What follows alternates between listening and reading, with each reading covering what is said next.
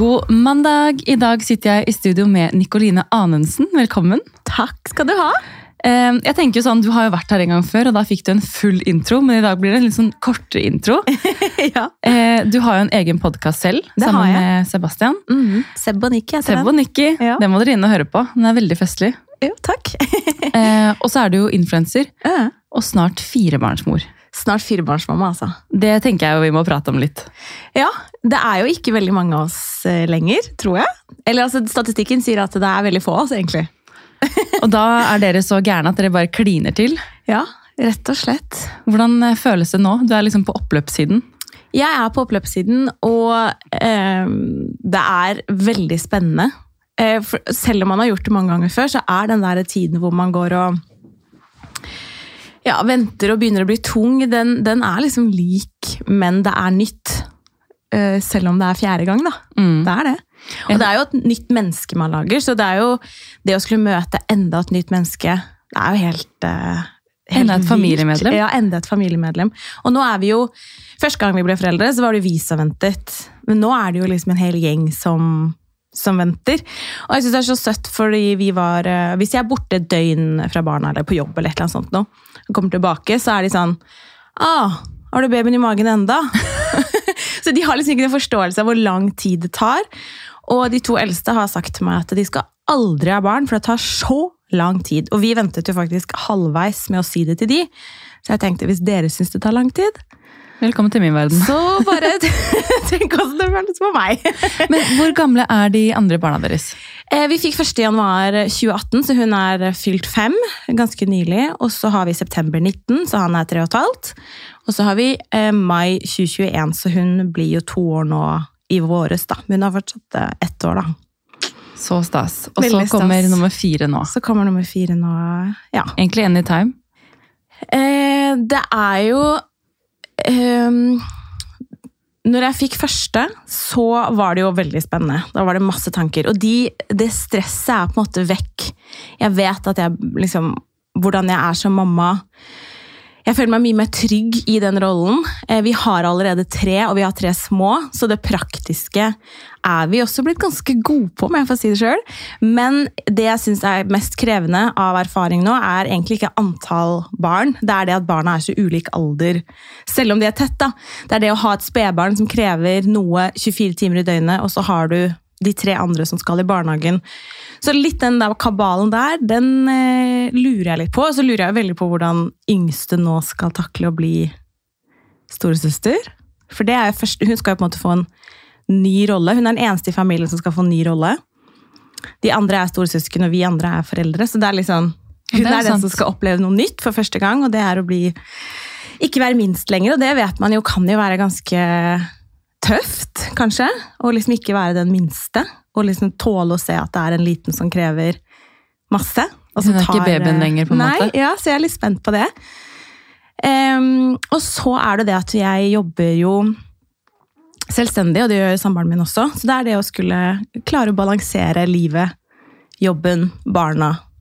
Og ikke gå ut i den klassiske mammapermisjonen, da. Nei, for Kjenner jeg dere rett, så blir det jo ikke noe på en måte perm sånn sett. Nei, Ballen må rulle videre. Ja, og det er jo valgfritt, for den, den kan jo, altså man kan jo ta mammaperm. Eh, men, eh, og pappaperm, for den saks skyld. Men eh, samtidig så syns jeg at det at vi jobber flex begge to, så kommer vi til å ha en litt sånn 50-50-løsning. At han er 50% perm og 50% hjemme, og samme med meg. Og så fordeler vi liksom tiden Deretter, på en måte. deretter, ja. Bare at jeg har et sterkt ønske om å amme, da. Så det krever jo da at jeg kan ikke være 50% på et kontor, for eksempel. Da. Nei. Det gjør det jo ikke. Men uh, at Han han, jo, er nei, han hjemme. kan jo, for det er jo en gutt som kommer. Han Ja. kan jo være med. Han kan være med. Mm. Så det På stort sett det meste, i hvert fall. Ja, ja, ja. ja. Så jeg tenker at det er bare det er, men sånn er det å få et barn. Det er bare liksom innkjøringstid hvor alle må bare liksom Ok, hvordan er de nye rollene? Hvordan skal man på en måte løse den nye hverdagen? Eh, og så blir man jo fort kjørt inn, det vet jeg jo. Og så eh, vet jeg at jeg kom på sykehuset, så er det så eh, Når jeg fikk første, så ville jeg bare hjem. Jeg var liksom ferdig med sykehuset, jeg ville ta henne med hjem, og det var liksom nyvaska hjem, og alt var liksom helt klart. Eh, mens nå er liksom, jeg skal være på sykehuset så lenge jeg kan. for at de kaster meg ut derfra. Fordi man vet at den babybobla som er den helt ferskeste babybobla, den sprekker så fort jeg kommer hjem.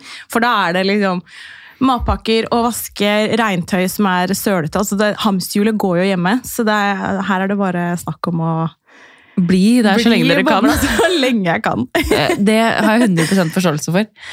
Eh, Du, jeg tenkte jo at I dag så skal vi prate litt om eh, egentlig alt som ingen forteller deg noen ting om. Både med tanke på graviditet, fødsel og tiden etterpå. Ja. Og jeg vil jo på en måte ufarliggjøre alt det som egentlig er helt normalt, men Ja. som man kanskje ikke vet før man er i situasjonen selv. da. Ja. Eh, Så jeg har jo spurt lytterne Ja. eh, hva de har opplevd under svangerskapet eller tiden etterpå eller under fødsel, eh, som de kanskje ikke, som de syntes var litt rart. Mm. Eh, og så har jeg notert meg det, så tenkte jeg vi skulle gå gjennom det og dele litt erfaringer. Ja, Dette her elsker jeg, fordi jeg er veldig pro normalitet. Pro fødsel. Og, syns at, og vet jo at mange gruer seg. Syns at det er dumt. At man skal gå rundt og så ha liksom klump i magen for noe som eh, er liksom helt naturlig. Og så er det det at eh, det skjer mye rart med kroppen. Som ikke er liksom direkte kjempeartig å snakke om. Men så skjer det nesten alle, og da er det fint at man bare kan si det. Så jeg, jeg elsker at vi Gjør, altså jeg, må, dette. jeg må bare si en ting som jeg syns var liksom kjempeflaut, men som jeg ikke visste var vanlig, var sånn førstefødsel. Så var det sånn, for det første så presset jeg så hardt at jeg, fikk, jeg sprengte et blodkar i øyet. Herregud, Det sier jo litt om at hele kroppen er i gang. Hele kroppen jobber. Ja, ja. Og så merket jeg plutselig at ok, det er noen som tørker meg. Eh, ikke der hvor babyen kommer ut, Ja. men de tørker meg et annet hull. Og de lukker opp vinduet, så jeg skjønner jo at noe kommer ut der. Ja. Som ikke liksom, man, det, man vet jo ikke det. At Nei, man liksom, ok, der kom det litt bæsj da. ja. Det er helt vanlig. Jeg vet det. Det er det ingen som har sagt til meg. Nei, Så jeg ble jo så pinlig berørt og tenkte bare jeg gjorde det. Ja, jeg synes det var litt sånn Jeg bare, hæ? Ok, men så måtte man bare kjøre på videre, da. Ja. Men jeg synes det var litt kleint. Ja, jeg, jeg også gruer meg veldig til uh, det der. Og jeg har egentlig ikke merket at det har skjedd. Sebastian sier det, og jeg tror egentlig ikke på han, men altså, det har jo det. Det var ikke sånn at jeg bæsja på meg, men det var sånn, ok, de tørket bort litt. Grann, Ja, liksom. for det kom, det For det kom kom litt. noe. Men tenk, altså, se for deg du bruker når du får sprengt blodkar i øyet. Og press, Da presser du jo med all din kraft, og det er helt umulig å ikke liksom Du kan jo ikke skru av rumpa. Nei, nei. Så det Men denne gangen fikk jeg sånn kryster, eller hva det heter. Ja. Og det hadde jeg heller ikke vært borti. Altså, jeg hadde jo hørt om det. ja. Og så tenkte jeg sånn, ja, det er sikkert en pille, og så går du på do. Men det er jo søren meg en, en Har du hatt det? Nei, jeg vet ikke hva det er. Ok, Så det er en, liksom, en vann, altså, typ vannflaske eller beholder med et lite rør. Ok. Og så sprøyter det inn alt det i rumpa. Ah, En slags for å tømme Ja, For å liksom sette i gang, liksom. og så skal alt komme ut. da. mm.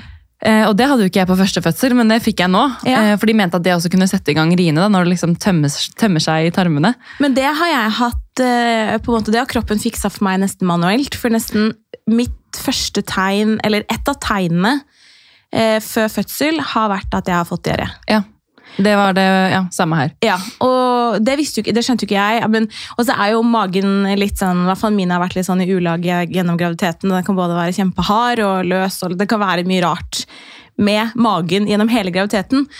Eh, men sånn rett før fødsel nummer én begynte, så bare så eh, ja, liksom helt løs i magen.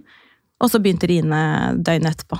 Så Det er det er litt kroppen gjorde en liten sånn En pre Gjorde seg Mm. klar, rett og slett. Rett og slett. Og det er jo, Folk skriver jo masse forskjellig, så jeg har bare delt opp litt. Grann. Eh, og i forhold til graviditet så er det jo dette med hormoner. Man skjønner jo at man får hormoner, Ja. men det er jo en som skriver at man, man klarer ikke å styre det. Det er gråt som bare kommer, sinne som skal ut, Ja. tanker man får for seg. Eh, Som er helt reelt der og da, men som man aldri på en måte ville stresset over ellers. Da. At Ja. Man blir veldig bekymret og stresser over alt mulig. Jeg har en venninne nå som er eh, gravid. Hun har ikke liksom gått ut med den da, men hun er helt liksom i startfasen. Men hun bare Jeg er så bekymret for kjæresten min, og han skal på ting. og jeg liksom, Hun er bare Jeg har aldri stresset over noe sånn Nei, før, nei. men nå er jeg bare sånn Ok, vær forsiktig, og liksom Helt sånn syke ting som hun aldri har tenkt på før. Jeg vet det. det Hadde du det sånn òg? Ja, spesielt egentlig med Eller jeg har vært veldig, veldig hormonell egentlig med alle. Altså, la oss være ærlig. Det, hadde jeg sagt noe annet, så hadde Sebastian ringt og sagt at det stemmer ikke. Men jeg har vært veldig hormonell. Og med første så følte jeg ikke at jeg følte meg fysisk gravid. Jeg var seriøst gravid i hodet. Og jeg kunne også få for meg sånn at um, eh, Bare sånn gråte masse og bare 'Du er bare sammen fordi jeg er gravid'. Og så var det sånn, Vi var jo sammen da du ble gravid. Vi ble gravide fordi vi er sammen. Ja, altså Han var bare sånn Hvor kommer det her fra, liksom? Ja. Og jeg var sånn overbevist, og jeg tror sånn litt Sånn fra naturen sin side, hvis, hvis man skal prøve å rasjonalisere det, så må det jo være fordi at man plutselig eh, ikke skal bare ha ansvar for seg selv. Og så trenger man partneren sin, så man blir sånn kjemperedd for å Miste. bli alene, liksom. Ja. Så jeg tror kroppen bare blir helt sånn herre Du vil samle, samle gjengen, flokken, liksom? Ja. Ja.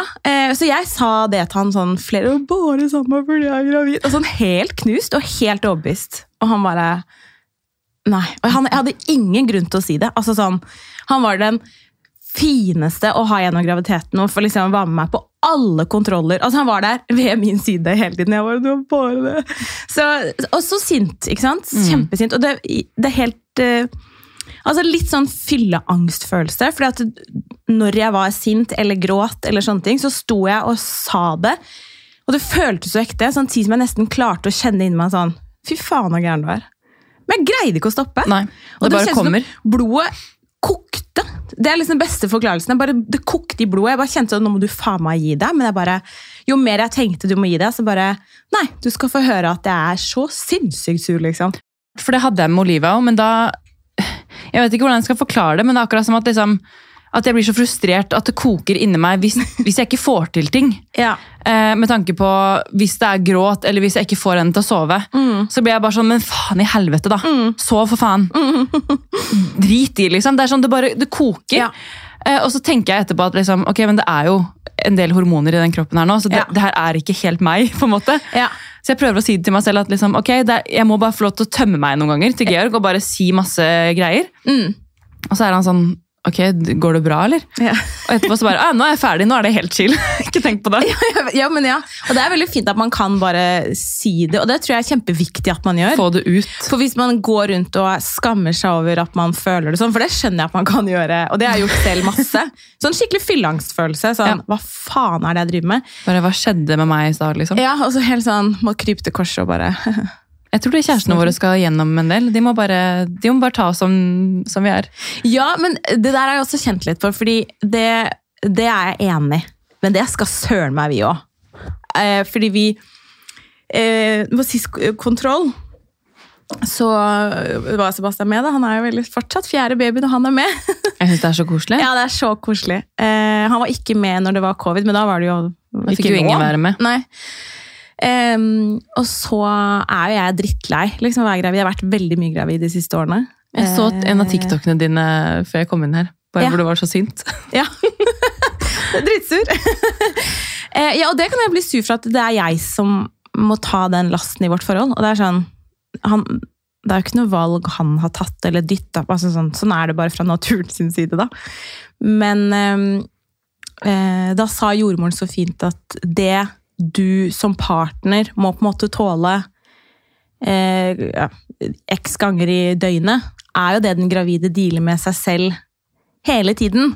Så selv om jeg skjønner at det er veldig frustrerende å plutselig stå med en partner som er liksom helt ja, ikke seg selv. da Man kjenner ikke igjen partneren sin. og liksom, ok, Nå er hun sint på meg, jeg har ikke gjort en dritt gærent. Nå er hun glad. Nå er hun, altså, at Hva er- skjer med deg egentlig? Ja, det er jo det vi som gravide også går gjennom. Så lenge det er på en måte innenfor eh, normale rammer. da. Ja. Eh, så jeg, det er jo en tøff eh, tid for begge to, vil jeg si. da. Men det var egentlig ganske godt beskrevet, fordi Ja. Alt det vi har inni oss, det, det hjelper jo å få det ut. Og når Ja. partneren da tenker sånn, hva faen er gærent med deg, liksom? Ja, ja. Så er det jo sånn, men det her er det jeg dealer med, så da må du også deale med det, på en måte. Litt. grann. Alt Lite grann. liksom fem ganger om dagen. eller noe. Ja, men det tenker jeg, det må være lov. Og Så jeg de, synes det var veldig fint sagt. Og når du sa det, så begynte jeg selvfølgelig å grine. da. Og så var jeg bare, å herregud. Men jeg følte at jeg, følte meg again. utrolig sett når hun sa det. Og bare, for jeg føler jo på at jeg pusher veldig mye på han. Eh, og ikke bare av måte, mitt eget humør, men også det at han må ta mye av det, den praktiske biten hjemme. Og det er ganske heftig hjemme hos oss, i og med at jeg har tre små barn. Um, men da var hun Ja, jeg følte meg skikkelig sett, og da bare Så det, ja, det skal jo ingenting til for at man uh, tar til tårene. Em, men det er litt deilig òg, da. det er helt normalt. Ja. Eh, og så er det mange som skriver at eh, vaginaen blir svullen, Yes. at man blir sykt andpusten fra tidlig, gjerne i første trimester. ja. Eh, ja, det kan jeg skrive under på. Ja. Eh, hvor fort kroppen forandrer seg, av at en bukse den kan liksom passe en uke, men uken etter så passer den ikke. Mm. 100 ja. Og det her har jeg faktisk jeg skrevet inn, men hvor isolert man vil være på slutten. Eh, og at nestingen føler at eh, Altså, jeg følte at alt måtte være på plass. Mm. Og det kom til et punkt hvor Jeg tror det var bare i underkant av en uke før fødsel. Så var jeg sånn Jeg ville ikke si ja til noen avtaler. Mm. Jeg var veldig sånn Jeg ville være liksom for meg selv. Mm. eh, Og følte at det var på en måte et tegn på at nå skal du gå inn i deg selv på en måte og gjøre deg klar. da. Ja. Eh, og det følte jeg var veldig sånn deilig å bare liksom kunne si nei til alt annet og litt mer sånn ja til meg selv. da. Har du opplevd det med begge to?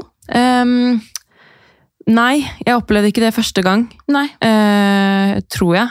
Nei, for da gikk jo vannet mitt ut på gaten, holdt jeg på å si, så da var jeg jo out and about så lenge. jeg- Men da var det jo også covid, Ja. så det var litt begrenset hvor mye man kunne gjøre. Ja, ikke sant? Ja. Eh, men, eh, men ja, og at man også, som jeg skriver, at man også får mye energi mot termin, og at man vil gjøre alt hjemme i leiligheten osv. Og, så og det følte Ja. jeg også på, til jeg liksom fikk den der 'nå skal jeg være for meg selv'. Ja, det kan jeg også. Jeg har jo litt ulike erfaringer med det. Med første så var jeg jo 23 år og var veldig redd for at, um, at vennene mine skulle oppfatte meg som en mamma. Det var liksom min verste frykt. Uh, så da var jeg med på alt til siste liksom squeeze. Um, og trivdes egentlig med det.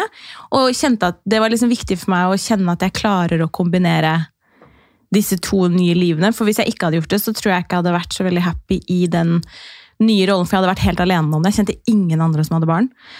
Eh, Så da var jeg med på alt, og så var jeg tilbake på skolebenken åtte dager etter fødsel. Altså jeg var helt sånn Ja, det her pratet vi, Hvis noen Ja. vil høre, da, så pratet vi om det, det her i forrige eller i den Ja. andre episoden vi spilte inn sammen. Stemmer. Jeg kan linke den under, så kan dere høre. Ja, stemmer det. Eh, og så med nummer to så var jeg litt mer sånn Ok, da følte jeg meg trygg på at dette behersker jeg.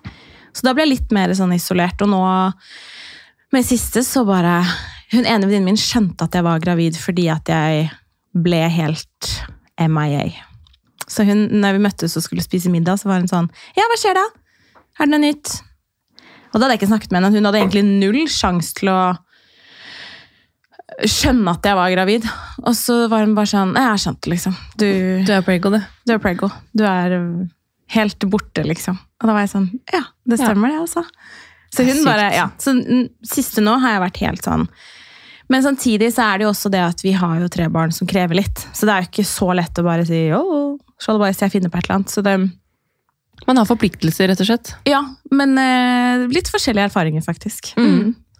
Men eh, bare for å hoppe inn med et spørsmål, da. Hvordan eh, eh, For jeg kan jo liksom I vårt nye liv, da, på en måte, Mm. med to, så Ja. er det jo sånn Jeg kan kjenne på en del dårlig samvittighet. Ja. Selvfølgelig. Eller ikke selvfølgelig, men jeg vet at mange, mange det, ja. opplever det. Mm. Um, og at man liksom Man vil gjerne strekke til på alle områder, Mm. men så vet man jo at ok, amming tar tid. Da må jeg på en måte sitte her. Mm. Uh, jeg kan ikke være alle steder. Nei. Men har du følt på de tingene, du som har tre? Um, ja Jeg har ikke følt på det i det siste. Og ikke følt på det. Jeg har følt på det litt sånn i denne graviditeten at jeg er jo en eh, Hva skal jeg ikke si dårligere mamma, men en mindre tilstedeværende mamma nå. Eh, I de tunge periodene som jeg har vært veldig dårlig i graviditeten. Så har jeg kanskje trengt en ettermiddagslur hvor jeg hører at de sitter og spiser frokost. Eller vært kvalm på morgenen hvor jeg bare jeg klarer ikke å gå ned. Og, og så hører jeg på en måte at det, livet skjer i underetasjen, men jeg bare Du er ikke der, på en måte. Nei, og så var det veldig tøft å bli gravid eh, denne fjerde gangen, fordi eh, jeg ble så dårlig. Eh, og så var på en måte motivasjonen for å, å fullføre var liksom til stede, men jeg følte at liksom, jeg akkurat kommet meg liksom til Løpt et maraton tre ganger og akkurat kommet meg til målstreken, og så here we go again. Så jeg følte at den spenningsmomentet med å være gravid var litt borte. Det var bare sånn, det er bare ni måneder. Jeg følte bare det det er ni måneder, og så var jeg så dårlig, så jeg klarte ikke å hente fram noe positivt rundt det. Eh, Bortsett fra liksom at jeg gledet meg. Oppkast, og du var skikkelig uggen, liksom? Ja, masse hodepine og liksom, ja, helt sånn svimmel og mm, sånn skikkelig fyllesjuk følelse. Eh, ja. Så jeg gledet meg bare sånn, og jo med en gang jeg kom og det var over, og bare åh, shit, nå skal vi få en baby, så var det helt fantastisk. Men eh, den dårlige samvittigheten tror jeg egentlig ikke at jeg har hatt så mye i det siste. Ehm, bortsett fra det med graviditeten. Men når jeg skulle ha nummer to, kjente jeg veldig på det. For da følte jeg at nummer én hadde fått så tilrettelagt eh, barseltid. ja. Mens nummer to så hadde vi fra før av en, så han måtte hele tiden vente litt. fordi er, vi hadde en på ett og et halvt som krevde Altså en ett og et halvt år, den krever jo mye. Og da kunne jeg føle at åh, shit, åssen Ja, men så ser man jo at Men herregud, han får jo søsterkjærlighet. Så jeg tror at det, jo flere jeg har fått, så har jeg skjønt at man strekker ikke til overalt. Og Og de har jo hverandre. de har hverandre, de kommer inn i forskjellige stadier i livene våre, og de kommer på en måte inn i samme familie, men ulik familie. Så eh, sistemann har jo virkelig liksom De sier sistemann eller tredjemann har man så vidt tid til å tørke støv av, på en måte. Men så ble jeg sånn, ok, det Av og til, ja. Men samtidig så får også tredjemann søskenkjærlighet fra to eldre. Eh, så det er eh, Jeg skjønner at man føler mye dårlig samvittighet, og det er klassisk foreldre å ha mye dårlig samvittighet. Men det er ingen som, å- ingen som er tjent med det, egentlig. Nei, altså jeg, jeg har tenkt veldig på at det her skal ikke jeg på en måte pine meg selv med, fordi Mm. hun har andre, hun har familie, eh, som vi ofte får på besøk, hun har Georg som er veldig til stede, Mm. eh, og når jeg er liksom stuck med amming eller et eller annet som gjør at jeg ikke kan være med Olive akkurat der og da, så er det sånn, det må jo også hun skjønne, på en måte. Ja, ja. Eh, og det er jo ikke det at jeg ikke vil, men det er sånn, jeg har, jeg har kjent på det der, jeg savner å bare være Olivia og mamma, liksom. ja. Eh, Så det kjenner jeg på at jeg på en måte prøver å få inn hver dag. At liksom, ok, nå er det oss to på badet, eksempel. Eller Ja. bare vi to som skal gjøre et eller annet.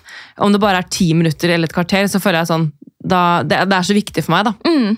Um, så ja.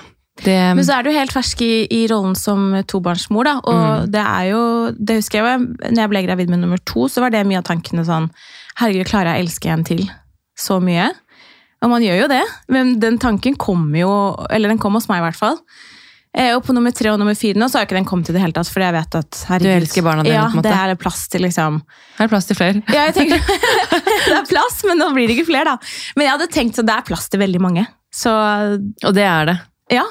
Jeg så en, um, en reel, det var med en eller annen ja, Jeg vet ikke om han var professor eller et eller annet, men han sa sånn um, Ja, jeg tar det på norsk, men han sa liksom når du har fått to, så er du allerede screwed. Da kan du like oss bare få en til. Ja. Fordi da, er det liksom, da flyter du uansett. Ja. Og da tenkte jeg sånn skikkelig på dere. Sånn, Jeg det. Ja, Når dere liksom allikevel har tre stykker, så ja, Ja. det blir jo mer med en til, men da er man på en måte altså, Som han sa, det er jo søskenkjærlighet. Og Mm. da, de eldste de oppdrar jo også de yngre. på en Ja, måte. ja, ja, ja. Eh, Så det er jo ikke bare at liksom dere får en til, det er jo hele familien får en til. Ja, det blir faktisk skikkelig sånn familieforøkelse. Det blir det. Men barna gleder seg, eller? Veldig. Eh, veldig, veldig. Og de, spesielt de to eldste. Det er vanskelig å vite hvor mye hun på snart to forstår. Eh, men de to eldste, spesielt hun aller eldste på fem. Og jeg er veldig spent på om hun kommer til å huske at jeg er gravid nå. Men de legger seg jo inntil magen, og um, han sparker de på utsiden, eller fra innsiden og ut. og... Og de kan eh, kjenne det. Ja, og de skal ha meninger om navn, og de er veldig, veldig engasjerte. Så Det er bra. Ja.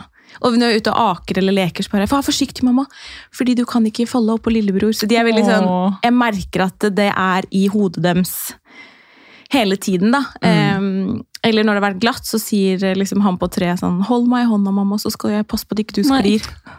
og han har jo Han klarer jo egentlig ikke å hjelpe meg med det, men han er, de tenker veldig over at um, Og jeg hører veldig ofte Sebastian sine setninger i dem. Ja. Eh, for eksempel hvis vi har hatt besteforeldre på besøk, så sier de man blir litt sliten av å ha baby i magen. vet du.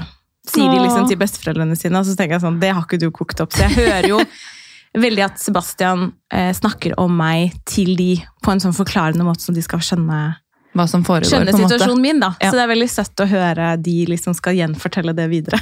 Herregud, så søtt. ja, veldig søtt. Ok, um, Hvis vi går videre på listen her, da, så er det veldig mange som har kommet med innspill på tiden etterpå. Ja, Uh, og det er jo litt gøy. Um, nå er jeg egentlig litt sånn i den tiden. Ja, det er det. jo. Virkelig. Ehm, hun er fem uker nå, så jeg føler fortsatt at jeg er, liksom, jeg er ganske nybakt. Barselkvinne, eh, er ikke det seks uker? Jo, jeg lurer på det. Jo, ikke sant? Så det har vært Så har hun en- en uke til. til hver barselkvinne, i hvert fall. um, ok, Så det første punktet er hvor sulten man er. ja, Og da må jeg bare legge til altså, uh, Jeg trodde jeg var sulten da jeg var gravid, ja. men nå er det sånn altså sånn, Jeg har veldig lyst på ting som er nyttig og sunt, og som jeg vet er bra for meg. Mm. Eh, så står jeg liksom utenfor eh, lett i det ene sekundet, og i det andre sekundet så har jeg kastet og slukt ned tre boller fra bit. liksom. Hva skjedde nå? Hva, hva skjedde? Og det er sånn det er bare, Jeg får ikke stoppe den sulten. Nei. Det er helt ekstremt. Men når man er sulten når man er gravid, så har man jo så liten plass. Ja. Så man kan være sulten og lyst på masse, men så bare blir man så fort en- så bare, Åh, jeg er Ja. så mett. Eh, så eh, jeg har faktisk glemt at man blir Jeg husker at jeg blir veldig tørst. Ja. Sånn helt sånn Ja, jeg er tørst nå. Ja, føler man liksom tørster i hjel når man eh, spesielt ammer. Mm. Eh, men det er jo sikkert når man er i tiden etterpå, så er man jo både Man har litt plass å fylle opp. Plass, ja!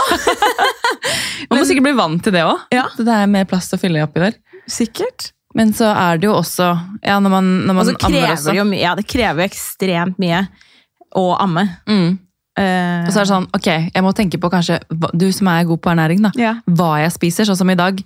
Ok, jeg spiste frokost med Olivia rundt syv, ja, det var havregrøt. Og nå er klokken ett, det er ikke rart jeg er sulten. Nei, det er ikke, ikke Så det er rart. liksom, man må passe på å få i seg også nok da. Ja. Det er det jeg tror er greia, at jeg, jeg får ikke i meg nok, så når jeg først blir sulten, så er det sånn, ok, det er ikke, det er ikke bånd i meg liksom. Ja, og så er det jo Det kan jo være vanskelig å finne eh, tid til å liksom sette seg ned og lage et ordentlig måltid, da. Og hvis man har tid til det, så er det kanskje babyen våkner akkurat idet maten er ferdig, eller så rekker man ikke å vaske opp, og så blir det liksom slitsomt. Eh, men det som ofte er, er at kroppen prioriterer jo nå å lage melk hos Eller ammer du? Mm. Ja. Eh, og den det går utover, for den tar jo bare det den trenger av vitaminer og mineraler fra deg. Så den det går utover til slutt, er jo deg. I know. Så det, det er jo lurt å få i seg næringsrik mat. Men også kose seg. Det er jo en tid hvor man liksom skal bare ha det. For å si sånn, det, det blir litt bakst, altså. Det, det unner ja, meg. Ja, gud. Som om jeg ikke har gjort det før. Um, skal vi se. Ja, alle følelsene og beskyttelsesinstinktet, det mm. har vi vært litt inne på. Mm. Uh, og så er det noen som skriver at man får hudfliker der nede. Ble helt sjokka, har aldri hørt om det før. Det hadde ikke jeg heller, egentlig. Hudfliker. Eh, Det kan hende. Altså, det kan, jeg vet ikke om vi er inne på det samme, men under første fødsel så um, Det var min lengste fødsel. N- Som det naturlig ofte er. Og da eh, satt hun Jeg hadde veldig mange timer med 9-10 cm åpning hvor jeg liksom ikke kom helt Så hun sto veldig lenge i spenn der nede. Eh, Og på vei ut så har hun eh, riftet eller revnet et eller annet fra innsiden. Sånn at det var en sånn hudfleng eller altså, Mm. et eller annet sånt noe. Jeg, som ikke gjorde vondt, men jeg liksom tok på den, så kjente jeg men den hang liksom litt ut av skjedeåpningen. Eh, og det var jo liksom Å ja, det var jo Great. great, ja. Og det var liksom såpass at vi men Jeg måtte jo tulle med det, for at vi kalte det liksom bare mikropenisen. For det var liksom bare sånn liten sånn hudfleng som hang der nede. Og jeg ble helt sånn Fader, altså. Og så hadde jeg hatt lyst til å sånn, jeg har lyst til å gjøre noe med den, men den plaget meg ikke. Og da var alle som jeg snakket med, sa da er det en kosmetisk greie for å fjerne den, bare. Eh, og så tok, altså det, det gjorde jeg bare aldri. Så ble jeg gravid på nytt. Og så fikk jeg samme jordmor på fødestua, og i, under fødsel nummer to så hadde jeg ingen rifter fra fødselen. Og, men da sto hun der med det flombelysningen. jeg Og så var jeg sånn, du, når du først er her, det her skjedde sist jeg fødte, og da var det jo hun samme jordmoren. Hun bare, ja, da kan jeg ta en titt på det. Eh, og så sa hun at eh, ja, nå har jeg hentet alt utstyr for å gjøre syjobb. Så jeg fjerner den for deg. Digg, da. Ja, det var veldig deilig. Bare takk skal du ha. Så jeg fikk en liten sånn eh, plastikk på eh, rett etter fødsel, rett og slett. Ja, men det men var- det var, det var ikke noe plagsomt, men jeg heller skjønte aldri hva det var. Og da sa hun at det er bare Inni vagina så er det på en måte hudfolder som liksom ligger sånn, det er liksom ruglete. Ja. Eh, og at det mest sannsynlig bare er at hodet til babyen har bare Presset det ut, på en måte. ja, røska et eller annet. Ja. Det var ikke plagsomt, men eh, jeg har bare hørt meg og hatt det, så det var egentlig litt digg å høre det flere. Da er det i hvert fall helt normalt, da, dere. Ja. Det er greit å få Og så lenge ikke det er eh, vondt, Vondt, så tror jeg ikke det er farlig. Hun var bare sånn Det er hvis man ønsker å gjøre noe med det. Mm. Ja, men det var greit å høre. Mm. Um, Nå skal hvor, ikke jeg garantere at alle får det på sykehuset, da. alle får dette sponsa på Ullevål. um, ja, hvor avhengig av eh, deg babyen er, eh, med tanke på amming Ja. hver andre-tredje time. Ja, det er jo hvis man eh, ammer, eller fullammer, så er det jo Jeg har en app hvor jeg har liksom tracket alt. Ja. Eh, det gjorde jeg med Olivia, bare fordi jeg liker å ha litt sånn kontroll. Ja. Eh, og jeg synes det er litt sånn deilig å vite sånn ok, ja, men nå er det to timer siden jeg har ammet, eller nå er det Ja. Og så bare har jeg litt sånn call. Eh, men da sto det jo liksom de første ukene at jeg hadde ammet liksom, i gjennomsnitt hvert 50. minutt i løpet av et døgn. Shit. Så det er jo mye amming. Ja, det er det. Eh, og når jeg ser på den Jeg kan jo gå og sjekke på den appen nå, det er bare for gøy. Si hva den heter, da, hvis folk har lyst til å ha den. Ja, Babytid heter den. Ja. Eh, første gang så lastet jeg den ned fordi jeg var alene på barsel, og de kom og spurte meg sånn Hvor ofte har du ammet? Mm. Og så var jeg sånn Jeg har ikke peiling på når jeg ammet sist. Og Var det en time siden, eller var det et kvarter? Jeg husket jo ikke det. Mm. Så da bare fant jeg den appen. Eh, så det var litt tilfeldig, egentlig. Og så har jeg bare brukte jeg den til Olivia Ja. var sånn Jeg vet ikke. Kanskje til jeg slutta å amme eller noe. Ja. Eh, og nå så ser jeg jo at Er det eh, bare amming man tracker på den? Ja, du tracker eh, du, kan, du velger jo selv, men du kan tracke liksom Nå tracker jeg søvn. Ja. Nå har jeg sovet liksom en og en halv time. Eh, bleier. Eh, mat etter hvert. Så kan du liksom gå tilbake og se å ja, du har reagert på det. Det er jo kanskje fordi du har spist sykt mye sitron. eller altså, Ja. sånn type ting. Eh, flaske eller når du ofte du pumper og sånn. Eh, og amming, da. Eh, og så kan du legge inn bading hvis barna skal ha medisin. Så det er veldig sånn ålreit å ha hvis du ønsker det. da. Så kan du legge inn vekst og så videre. Men jeg skal sjekke hvor ofte altså Jeg har jo ammet da 621 ganger på fem, uker. Fy fader. Eh, og det er nesten 110 timer. Så det er jo sånn Det er ganske sånn oppsiktsvekkende hvor mye man sitter og ammer. Ja. Så mm, Det er ja, det overrasket meg også eh, da jeg fikk første. Det tar mye tid, og det tror jeg veldig mange syns er overraskende. At det tar, eh, det tar mye tid. Du kan ikke bare slenge ut puppen. og så vær så, altså sånn, Noen ganger så må man faktisk sette seg liksom mer til rette. Du, må- du må gå inn på et stille rom. Mm. Babyen klarer ikke å fokusere hvis det er for mye støy rundt. Altså sånn, du må legge til rette ofte for god amming. da. Mm. Eh, jeg har, jeg det har vært veldig behagelig å ligge og amme den gangen her. Det er Ja. sikkert fordi jeg lå ganske mye i starten og ammet eh, på sykehus og sånn. Det husker jeg også lærte meg det, og så tenkte jeg bare Og så klarte jeg ikke å sitte. Og så tenkte jeg bare fy fader, det her blir så slik. Jeg kan ikke legge meg ned på være sånn Da skal jeg Skal vi se dere? Så, Men det er veldig deilig når man er hjemme, for da Ja. slipper man å sitte med høye skuldre og Og hvis babyen sovner, så kan du på en måte bare uh, krype Ja. forbi, og så kan jeg ligge på sofaen og sove litt alene. Jeg vet det. Men sånn babytid, det er Sånn har jeg aldri brukt. Det er sånn skikkelig ikke min Greie. personlighet. Nei, å være sånn For meg så må ting bare være det, Flyte. Sånn, ja, det må flyte, og så må jeg bare tenke at eh, eh, Hvis jeg hadde første gangen hørt om den appen, så tror jeg jeg hadde stressa. Jeg vil bare si hvis noen ikke tenker sånn Herregud, skal jeg tracke et sånn og sånn? For meg så har det bare vært liksom intuitivt. Og det har vært veldig deilig. Og bare tenkt sånn, ok, så er jeg på helsestasjonen, går hun opp i vekt? Ja, men da gjør jeg det riktig.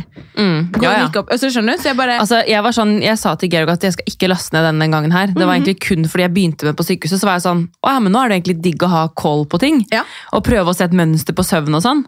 Eh, mens nå er det sånn, jeg må innrømme at den appen stresser meg litt også. For det er sånn, Ja. å jeg må skru på at jeg ammer. For å se hvor lenge jeg så sånn, Ja. Men jeg har bare blitt avhengig av den. Ja, ja. Sånn, det er ikke sånn at jeg går og ser veldig ofte sånn, «Å, i går sov det 50 minutter mer enn altså, Jeg gjør jo ikke det. Nei. Men det har bare blitt sånn at jeg liksom liker å bare gå inn på den og se. Ja. Så ja, folk må føle på det. Hvor, ja, hvor forskjellig man kan være i en eh, Og det har jeg også følt at man er jo veldig forskjellig. Altså alle mennesker, alle typer mennesker får barn. Mm. Og da blir det jo tilsvarende ulike foreldrestiller og Yes. ulike barn. Men så føler jeg litt at når man er barn, nei, foreldre og gravid, så skal plutselig alle passe inn i et mønster som er veldig snevert. Eh, som eh, jeg antar veldig mange ikke kjenner seg igjen i. Eh, og hvis man føler at man ikke passer inn der, så føler jeg at man eh, blir litt sett på at man ikke egner seg, eller Så ja. at man ikke går all in, eller at det liksom Så jeg føler at man må åpne litt opp for at det er lov å være forelder på den måten man er, på, måte, på så mange ulike måter som man også er mennesker, da. 100% For det føler jeg ikke egentlig i samfunnet at det er liksom helt greit, faktisk. Um, ja, så det har jeg bare følt litt at det må man eh, være litt mer large med hverandre. mm. At det er lov å Det er lov å gjøre det på din måte. Det er lov å føde uten at babyrommet står klart, da. På en måte. Ja. Uh, uten at man da er en eh, kjemperæva eller ikke gleder seg, eller altså Altså, vi pusset jo opp rett før, Mm. og var sånn Ja, jeg er jo litt sånn som liker å vite at ting er på plass, og Ja, ja. kanskje litt sånn Jeg har ikke støv på hjernen, men Nei. Mm. eh, jeg liker å vite at ting er i orden, på en måte, for da klarer jeg å slappe av. Ja. Eh, men da var jeg bare sånn Det går jo fint. Om Ja. det kjøkkenet ikke er ferdig når den babyen kommer. Mm. Den babyen trenger jo ikke et nytt kjøkken. På en måte. Nei. Samme som at en baby trenger ikke et babyrom. Nei. Det er du som forteller deg selv at At du trenger det trenger det. rommet. Eller samfunnet, da. Som Eller samfunnet som bygger opp at, ja, Mm. at det skal være liksom et perfekt babyrom som står klart. Mm. Altså, Den babyen husker ikke det uansett. Nei, jeg vet det. Og de bruker jo egentlig ikke rommet Altså, Vi har tatt barna ned for å sove, men det kan like så godt være ikke et babyrom. Altså, Det kan være Ja. ikke et kott, holdt jeg på å si, men eh, altså, hvis man vil ha barnet på eget rom, så kan det være bare et gjesterom. Altså, ja. Det er bare at det er en seng der, på en måte. ja. Eller sånn, Og ofte så har du en liten vugge som du kan flytte rundt i stua, eller Mm. hvor som helst. liksom. ta den, da, på en måte. Mm. Så det føler jeg virkelig at man må føle, og, og det er vanskelig å ha selvtillit på det første gangen.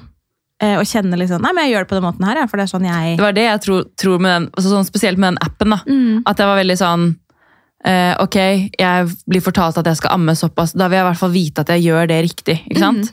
Og så blir man liksom puttet inn i et slags system. da. Mm. Men etter hvert så må man jo bare lære seg å stole på seg selv. Jeg okay, vet det. eh, nå vil babyen min ha mat. Ok, samme når du fikk mat sist. Fordi Mm. de kan bli sultne. Om hun har spist for fem minutter siden, så kan hun plutselig ville ha det nå. Jeg vet det. Så det er sånn, Man må bare liksom drite i system også, og bare se på babyen sin. Se på signalene. Ja, og så tror jeg ikke man skal undervurdere den eh, mammafølelsen man kan ha, den magefølelsen. Eh, det- da jeg fikk Noel, så, så sover de jo veldig ofte på barsel veldig mye. Eh, I hvert fall gjorde hun det, og hun var veldig sliten etter den lange fødselen som hadde vært. Og så hadde hun sovet seks timer i strekk. Eh, og så kom de inn og bare 'Når ammet dere?' Jeg bare, Nei, når hun sovet liksom i seks. De bare 'Hæ?' Du må vekke de. Ja, du må Ja. vekke. Og så var jeg sånn Dette strider imot alt. Jeg har aldri vekket et barn sånn. Nei, og så gjorde jeg det da, inne på, for jeg ble helt sånn, ok, å herregud, jeg følte meg helt som verdens verste, og jeg bare føler, den følelsen hun putta på meg da, gjorde at jeg følte meg så mislykka. Eh, jeg sto der liksom, var ja, 23 år og var sånn, å herregud, jeg trodde bare hun liksom skulle sove. Og... Søvn, navle, søvn og Ja, og så kom jeg hjem, Nei, og så hun skulle gå fra sykehuset, så hadde hun bare gått ned 5% av fødselsvekten sin, og hun var litt sånn, ja, nå må vi passe på at du får i seg nok næring. Og så var jeg sånn, vet du hva, jeg føler skikkelig at dette her kommer til å gå bra. Så hun gått ned 5% bare, som er veldig bra, da. Eh, eller i hvert fall veldig innafor. Og da var hun sånn, ja, ok, det gikk bra. Og da var sånn, ok, liksom. Altså, hun ga meg så mye sånn derre dårlig vibe. ja, sånn stress, som jeg kjente at jeg er ikke en sånn stressa person, og Sebastian er ikke en stressa person. Og så når vi kom hjem, så var vi sånn, vet du hva? Nå skal vi veie henne nå, de første tiden så veier man jo veldig ofte. Så jeg var sånn, vet du hva, vi bare Hun er en sovete nyfødt. Mm. Det er helt normalt, det òg, på en måte. Ja, og så eh, gi henne mat, og jeg følte at jeg hadde masse melk, og så eh, får vi høre at hun ikke spiser nok, eller at hun ikke legger på seg nok, så begynner vi å vekke. Mm. Men sånn intuitivt så jeg, bare sånn, jeg, jeg klarer ikke å vekke en sovende baby. Jeg synes Det er det bare strider så Skal liksom klokka tre på natta ha på vekkerklokke for å ma Nei, mate Gud, når hun det har jeg aldri gjort. Nei, ikke sant? Det, jeg Men det det, er faktisk, som har faktisk funka, da, Ja. er sånn hvis jeg har sykt spreng fordi Det begynte jeg med da jeg fikk Olivia. så begynte jeg Da da våkna jeg på natta og begynte å pumpe. Fordi Ja. da Olivia lå og sov. ja. Så jeg var sånn Hva søren gjør jeg nå, liksom? ja, fordi sprengen kan gjøre jæklig Ja, det er sånn, Nå altså. må jeg tømme meg, Ja, liksom.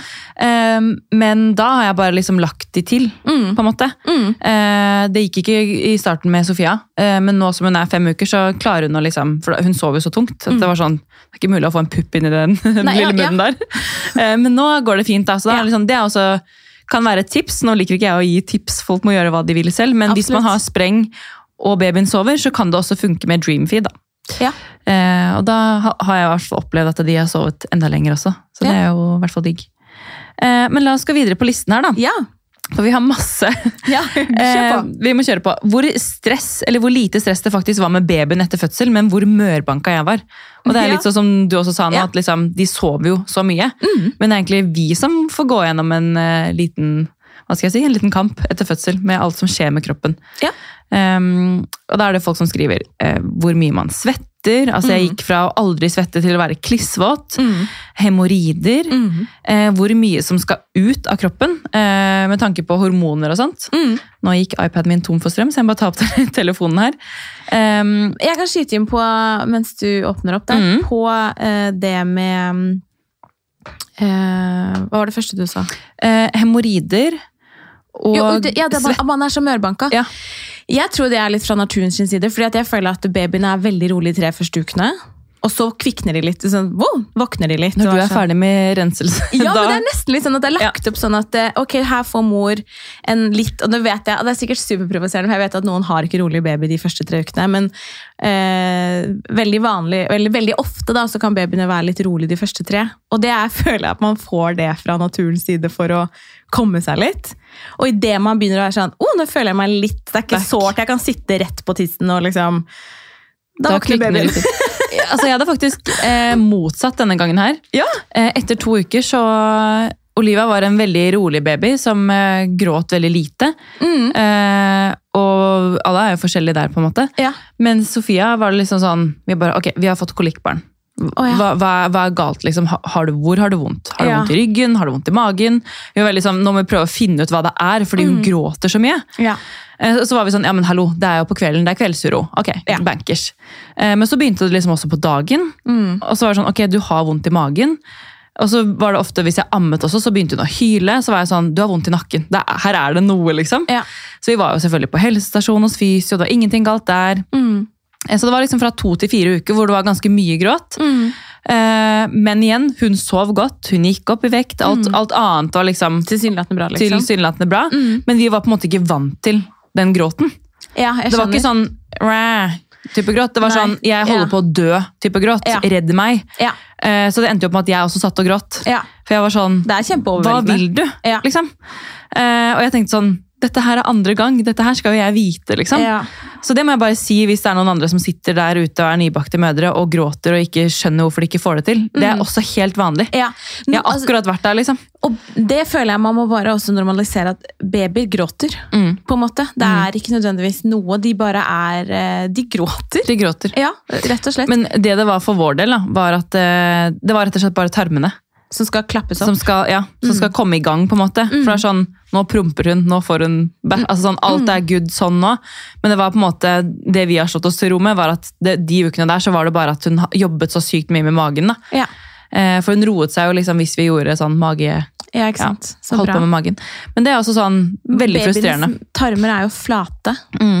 eh, og sikkert det gir mening når vi to ukers tid, når hun begynte da, har du sikkert, sikkert du fått litt ordentlig med melk. Ja. Hun tar til seg litt ordentlige måltider, og da blir det vanskelig for henne. da. ja. Før det går over i en eh, til ikke være vanskelig lenger. Ja. Mm. Altså, det må jeg bare si, det var liksom et sånn negativt jul med Ja. mye gråt, og så var det liksom mye amming, og mye me sant? melken har begynt å komme skikkelig. Mm. Eh, og utdrivningen bare, det bare spruter. ja. Og så gulper hun. Liksom. Alt var bare liksom sånn ond sirkel. Eh, men nå har ting begynt å stabilisere seg. Altså, det er- man må bare gi dere tid, rett og slett. Ehm, så gi det tid, folkens. Eh, men ja, ettergir, det er jo også en ting. Det er en ting, ja. De fleste sa til meg på sykehus og sånn at man kan ofte ha mer ettergir etter eh, nummer to, eller hvis man har født flere barn. Mm. Eh, men jeg syns det var nesten verre første gang. Ja. Eh, som jeg husker, i hvert fall. Ja. Men ja, det er jo en greie at man får ettergir, og spesielt når amming, ammingen har kommet i gang også, så, ja, så skjer det mye der nede. Og da er det jo Jeg tok jo ikke noe Paracet første gang, men det, var jo sånn, det er jo bare å ta en Paracet hvis man har vondt. Det Det, tenkte jo ikke jeg på. Nei, man føler litt at nå er jeg i en situasjon hvor eh, hvor man bare skal tåle det, nesten. Ja. Men man, det fins måter å- at det kan bli litt mer Litt levbart. bedre på, ja. Og på Um, barsel er det bare å spørre sykehuset om det. Yes. Trenger ikke å dra få mannen eller kjæresten eller partner til å gå ut og kjøpe det. Altså, så lenge man er på sykehuset, så har man tilgang på det. Så spør om hjelp. Ja. Mm. Det må alle bli flinkere til, meg Ja. selv inkludert. Ja. Eh, jo, forskjell på brystspreng og melkespreng. Eh, det Det, egentlig vet egentlig ikke jeg hva altså, Ja, med tre ganger Jeg skjønner egentlig ikke forskjell, jeg. Tror jeg kan skjønne forskjell, fordi den gangen her så har jeg kjent mye mer sånn stikking rundt niplene. Ja. Altså som nå, nå i stad bare tok jeg meg på puppene, fordi jeg bare Ja. sånn kjenner at det stikker så sykt. Men jeg, og hvis det er det, da, så føler jeg at det er det som er liksom melkesprengen. Mm. Men at brystsprengen er liksom hvis du har vondt i hele puppen, hvis det er liksom, nå er det så hardt, på en måte. Ok, ja. Men jeg vet ikke om det er det som er forskjell. Jeg har bare tenkt at det er det som er forskjell, når jeg så den eh, kommentaren. Mest sannsynlig så har jeg jo kanskje hatt begge deler, og jeg syns at det er eh, Kan jo være veldig vondt. Mm. Mm. Det er i hvert fall deilig å tømme det. Det er veldig godt å tømme, ja. um, hvor vanskelig det kan være å amme. Ammetak, nese mot knopp, alle disse tingene man lærer på barsel. Uh, jeg visste ingenting om amming før jeg fødte. Ikke heller. Jeg trodde bare var å putte liksom her er puppen, spis. Ja. Eh, men så har man jo, i hvert fall nå som det er andre gang, så er jeg blitt mye mer bevisst på liksom riktig sugetak. ja, Eh, så nå har jeg ikke hatt såre nipler en eneste gang. så bra. Eh, så det er veldig digg. Ja. Men sist så hadde jeg jo liksom Det var nesten blodig sår, på en måte, fordi det gjorde så vondt. Mm. Eh, men det var sikkert fordi jeg ikke gjorde det riktig. Og så husker jeg at eh, Og fordi man ikke er vant til da, at noen suger på puppen. på en måte. Ja, for jeg føler at alle sier at uh, riktig ammeteknikk skal ikke gjøre vondt. Men jeg tror faktisk at i første perioden når puppen skal venne seg til det, selv om alt er riktig, alt funker, så er det bare uvant at noen liksom Suger. kontinuerlig sutter på puppen din. Og det må Ja. liksom herdes litt. Ja. Bitte litt. Ja, ja, det tror jeg så selv om det er riktig, så, så er det bare sånn eh, Åh, må du liksom puppe igjen? Man blir litt sånn Åh, jeg bare Mm, trenger litt pause, liksom. Ja. Men uh, Og så når man går inn i dusjen, så er det sånn. Åh. Det er sånn, Du skal bare få litt vanndråper på, så er det sånn shit. Ja, men eh, det er mm, Amming kan eh, Det er en strevsom greie. Det er det. Man må Og- gi det tid også, som med alt annet. Altså, jeg måte. hørte et begrep som er mamming før amming. Mm. Eh, At hvis ammingen ikke går eh, sånn som den skal, eller at hvis man vil amme, men ikke får til, eller babyen ikke får til For det var litt nytt at det er ikke bare du som skal lære å amme, babyen skal også lære å amme. Det er på en måte et samarbeid. Mm. Men at man vet jo mange sitter og bebreider seg selv for at ikke det går, eller at man ikke har nok melk, eller det er mange ting som kan skje. Eh, Og da er det viktigste er å være en mamma, og ikke en ammende mamma. Mm. Så det er ikke noen Altså, hvis man får, Ikke får det til. Nei, og hvis det er et eller annet som gjør at det ikke går, så er det viktigere å mamme før man ammer. Ja. Og det syns jeg er litt viktig å ha med seg. Det var viktig. Ja, Fint for det er um, Mange prøver å sitte med blodige nipler i mange måneder. Og gråter og, gråter, har det ja. forferdelig. Men da må du tenke på deg selv. Ja, og det kan være veldig godt og fint også for pappaen å kunne gi flaske, og da kan man plutselig fordele ansvaret mye mer fem... Da er det egentlig ikke noen grunn til at ikke man kan gjøre Da kan alle gjøre alt, da. Ja. Og det kan være veldig fint. Mm. Mm. Har du noen tanker om amming denne gangen, eller? Eh, ja, det har jeg. Jeg har jo ammet alle. Eh, med første så pumpet jeg en del fordi jeg var på skolen. Mm. Eh, så jeg ehm, fullammet, men så måtte vi spe på med kanskje én morsmelkerstatningsflaske, kanskje i uka. Og det var egentlig ikke fordi jeg hadde, ikke hadde melk, men det var fordi da hadde jeg kanskje en forelesning, og istedenfor at han skulle kjøre ned og stå pause, så bare lagde Ja. han den for den, det praktiske sin skyld. Mm. Og så skjønte jeg at dette her er veldig deilig at ved behov, så kan det at hun lærte seg flaske ved behov, så var det egentlig veldig deilig. For da var jeg ute med venninner eller et eller annet en kveld, og istedenfor å si jeg blir, må komme hjem klokken om to timer, eller ikke vite sånn åh, nå er hun sulten, så kunne han lage en flaske. Mm. Men jeg følte at når jeg var med henne, så jeg ga hun ville ikke ha flaske fra meg.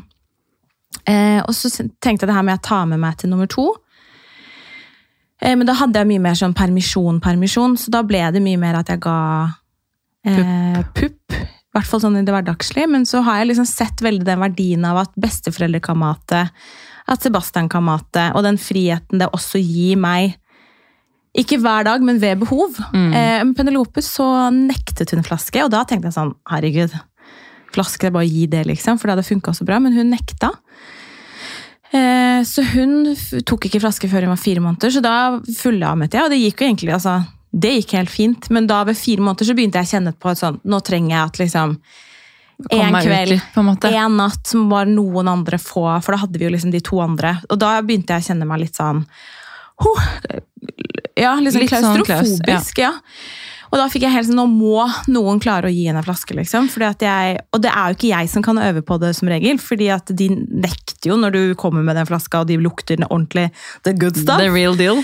Ja, så og hun bare klikka jo på meg eh, hvis jeg prøvde. Så jeg vil prøve å kjøre litt sånn sammen. Litt sånn hybrid. Starte med å amme, fullamme så mye som mulig. Ha nok melkeproduksjon så jeg kan holde på lenge. Mm.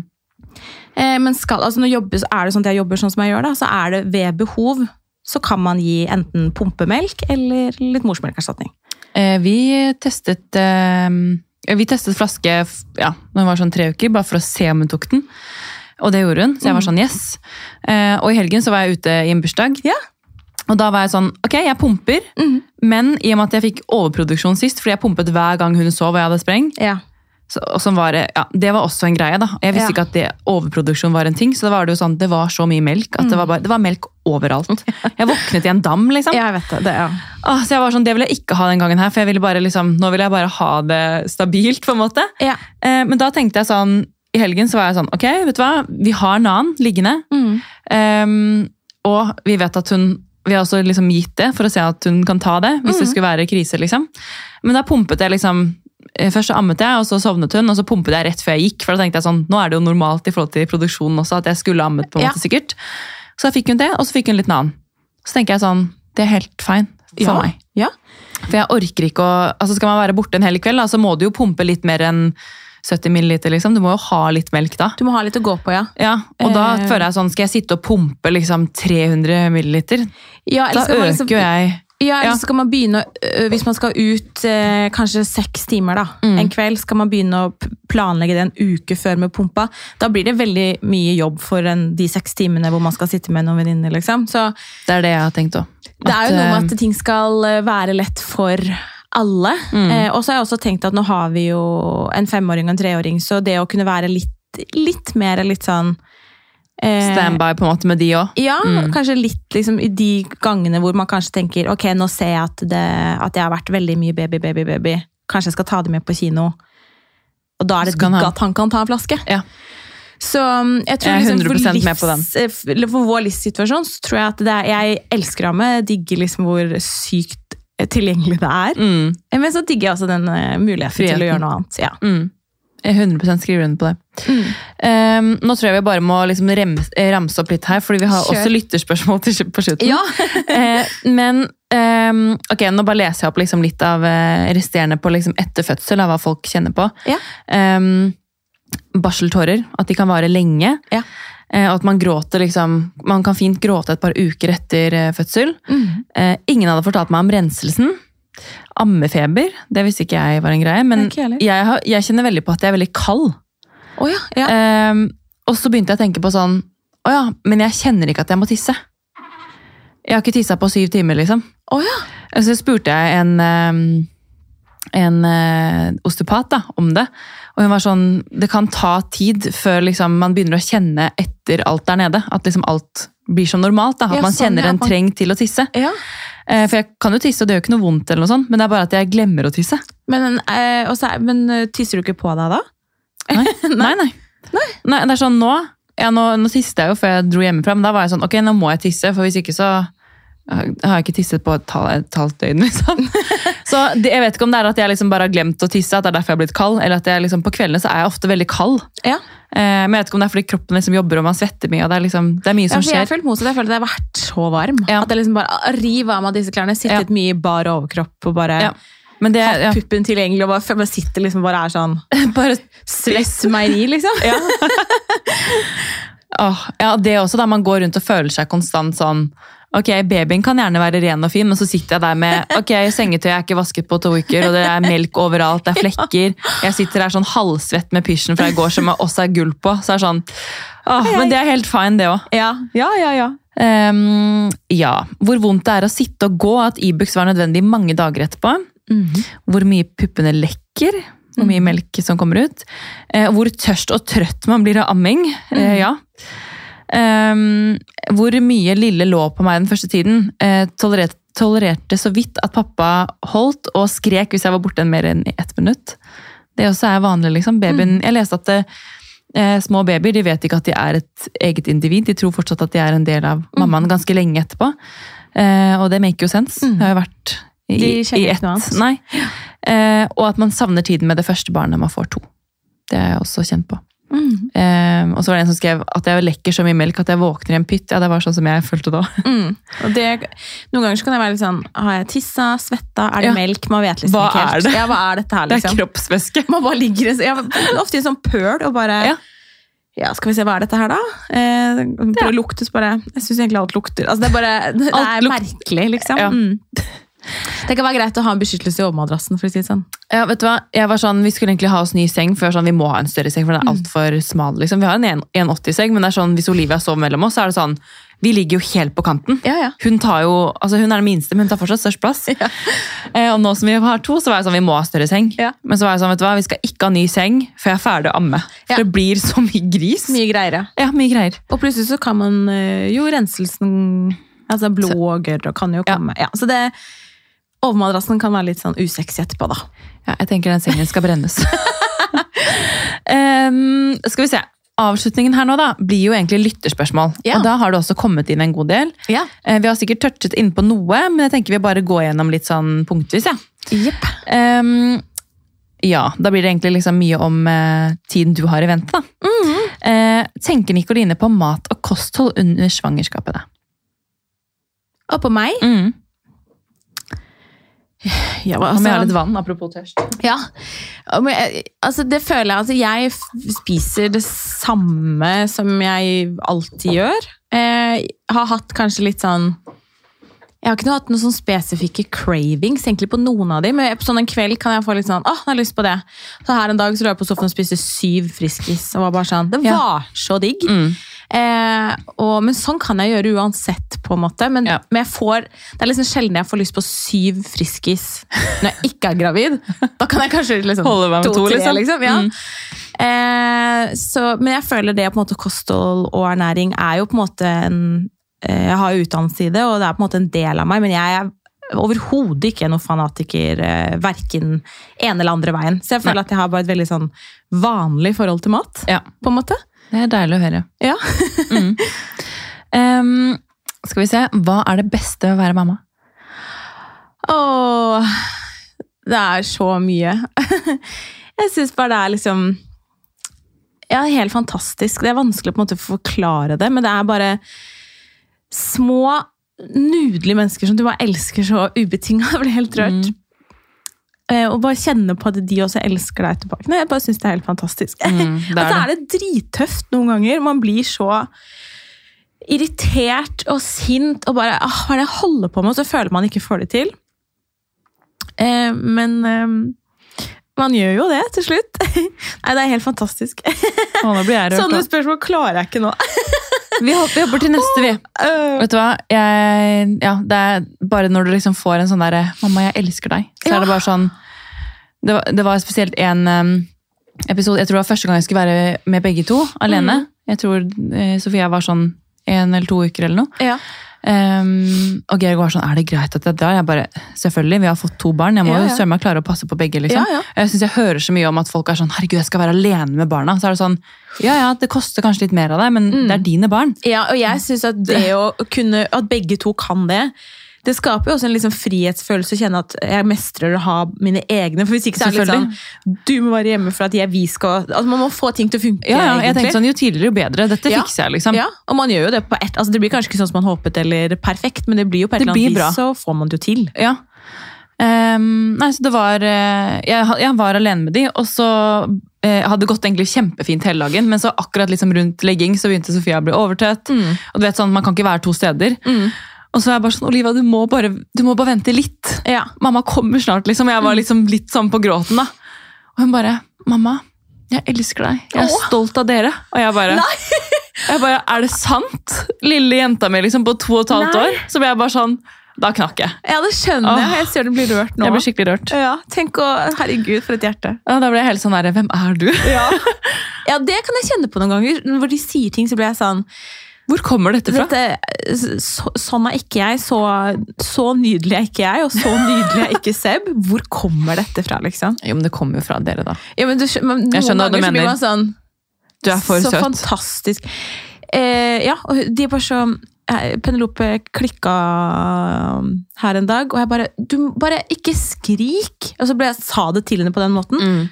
Jeg prøver å skjønne hva du vil, men ikke, ikke skrik Ta det med sånn. ro, liksom. Ja. Og så sier hun, Noel sier sånn Men mamma, det kan hende bare hun syns det var litt annerledes For det var ny bil litt annerledes å sitte i denne bilen enn den andre Og jeg bare tenker sånn du er bedre mamma enn meg, du Altså Ja. sånn, du Kanskje, Sånn, da tar du over. ja, litt- Noen ganger så har de bare så Ja, de, liksom, de går der en høy gang noen Mm. ganger Og det er litt sånn Det er, godt, det er på godt og vondt. Det er på godt og vondt, ja. Men eh, man, Man blir veldig stolt. Ja, man blir veldig stolt. Altså, det, ja. Det, det, det knekker meg i hvert fall når Ja. så, sånne ting kommer opp. Eh, hvordan holder du deg så fresh? Hva er hemmeligheten? Ja, det er veldig hyggelig, da. Og du er veldig fresh. Jo, takk. si. takk. Veldig hyggelig. Ehm, det er egentlig en litt sånn egoistisk greie. Eh, det må jeg bare innrømme. At det jo at, altså Hvis jeg føler meg fresh og legger inn en innsats på den biten, og jeg ligger så forresten, alltid takk. fresh, eh, så føler jeg meg bedre. Og når jeg føler meg bedre, så er jo det bedre for alle andre. Så det er egentlig, eh, Og det er ikke det at jeg bruker mange timer på badet. Eh, det har jeg lært at man kan ikke. Det, har jeg ikke tid til. Men bare det å kunne liksom ta eh, ti minutter på badet og gjøre Det gjør så mye for selvtilliten. det gjør det, og da får jeg Ja, dagen blir bedre. Jeg blir en bedre mamma, jeg blir et bedre menneske, og jeg blir et bedre, mer sånn ja-menneske. Hadde jeg liksom ikke stelt meg før jeg kom hit nå, og så hadde jeg vært da vil jeg bare hjem igjen. Ja. For jeg føler meg ikke vel. Eh, så det er vel egentlig bare fordi at jeg prioriterer det, rett og slett. Eh, så det er en egoistisk prioritering som jeg føler in the end gagner andre, da. Eller Det det. familien, på en måte. Jeg kan også skyte inn der at um, ja, Nå har jeg bare vært på en måte hjemme sånn sett da, i fem uker. på en måte. Men det jeg føler liksom hjelper veldig, er sånn Noen dager så har jeg vært sånn I dag skal du bare være hjemme og se på serie og dasse rundt. Og det er veldig deilig, men Ja. så blir jeg veldig rastløs. Ja. Eh, så det som funker for meg, er sånn Hvis jeg bare kommer meg opp til vanlig tid, selv om jeg er trøtt, Mm. og bare liksom får på meg litt sminke, får levert i barnehagen, så er det sånn, for det første så får jeg sykt mye mer ut av dagen. Ja, ja. Og hvis jeg er trøtt, ja, men da kan jeg bare gå hjem og legge meg. da, For jeg skal jo ingenting. Eller jeg kan avlyse det jeg skulle. liksom.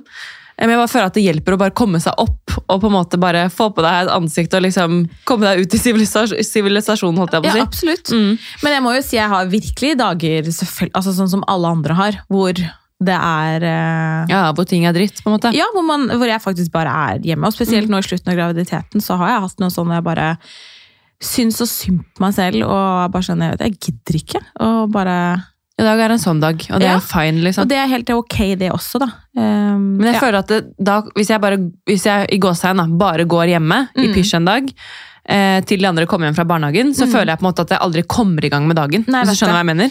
Man blir, jeg blir mindre produktiv av det. Så hvis jeg Ja. først har kommet, som du sier, kommet meg opp og liksom kanskje tatt en dusj Og det også syns jeg, selv om jeg har baby, så føler jeg veldig mange sier ja, jeg får ikke tissa eller dusja. Det tar jeg meg tid til. Og, Det, alle kan gjøre det. Ja, jeg syns, og hvis ikke så får du ta med babyen inn i dusjen, eller så tar det to minutter, og så får man tåle de to minuttene med gråt. Eller jeg syns det er eh, verdt den prioriteringen. Hvis, altså hvis alternativet er ikke dusje på en uke, så syns ikke jeg det er et alternativ for meg, da. Jeg bare mener at det, i løpet av et døgn da, så sover en baby. Ja.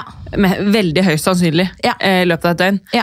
Og da er det sånn, den tiden den babyen sover Mm. eh, det, Jeg hadde en sånn spørsmålsrunde på Insta. Da var det sånn Hvordan sover du når babyen sover? Og liksom, hvordan Mm. eh, sånn og ditt og datt. Så var jeg sånn Jeg syns at det er liksom opp til deg selv eh, å få den søvnen. Skjønner du hva jeg mener? Ja. Eh, og nå er det mulig folk blir provosert. ja det, eh, men jeg bare mener at eh, hvis du har en baby som sover da, i løpet av døgnet, mm. eh, og du velger å ikke sove, så er det på en måte litt din skyld at du er trøtt. Ja. Eh, og hvis du har en partner og folk rundt deg som kan hjelpe til, Mm. eh, så spør om hjelp. ja, det er enig. Fordi det er ditt ansvar å få den søvnen. Mm. Og jeg skjønner at det ikke er lett den første tiden. Jeg, heller, jeg sover mye mindre nå. Ja. Men hvis jeg er trøtt da, så er det sånn, ok, det er faktisk kun meg selv som kan gjøre noe med det. ja, faktisk. Eh, og samme med dusj og sånn. Det er sånn ja, jeg dusjer, og, jeg dusjer ikke og vasker håret hver eneste dag, men Nei. jeg får tatt en dusj når jeg vil. Ja, og det, det betyr ikke at man får tatt hele spadusjen med Nei. skrubb og barbert alle krikker og krukker. Men eh, to minutter med litt vann i ansiktet og Vaske deg i armene liksom, og her og der. Ja, det det syns jeg er viktig å prioritere, da. Mm. Mm. Ok. Eh, har dere måttet planlegge rundt det praktiske, nå som dere får nummer fire? Bil, soverom etc. Eh, ja, det har vi. Vi har hatt gjesterom i huset, som nå har blitt et barnerom. Eh, og så har vi måttet gjøre litt sånn omrokeringer. Med tanke på sånn eh, Hvem skriker, hvem er ofte litt våkne om natta? Så noen av barna har måttet bytte rom, som Mm. har vært egentlig Og det Vi stressa litt med det. Eh, vi er ikke så veldig stressa egentlig, men da var vi litt sånn Åh, skal vi liksom gjøre det? Skal nå Penelope gå fra sprinkelseng til vanlig seng før hun er to år? Og lagde så mye greier. Prøvde en natt, sov natta gjennom. Og det føler jeg er så typisk oss foreldre noen ganger.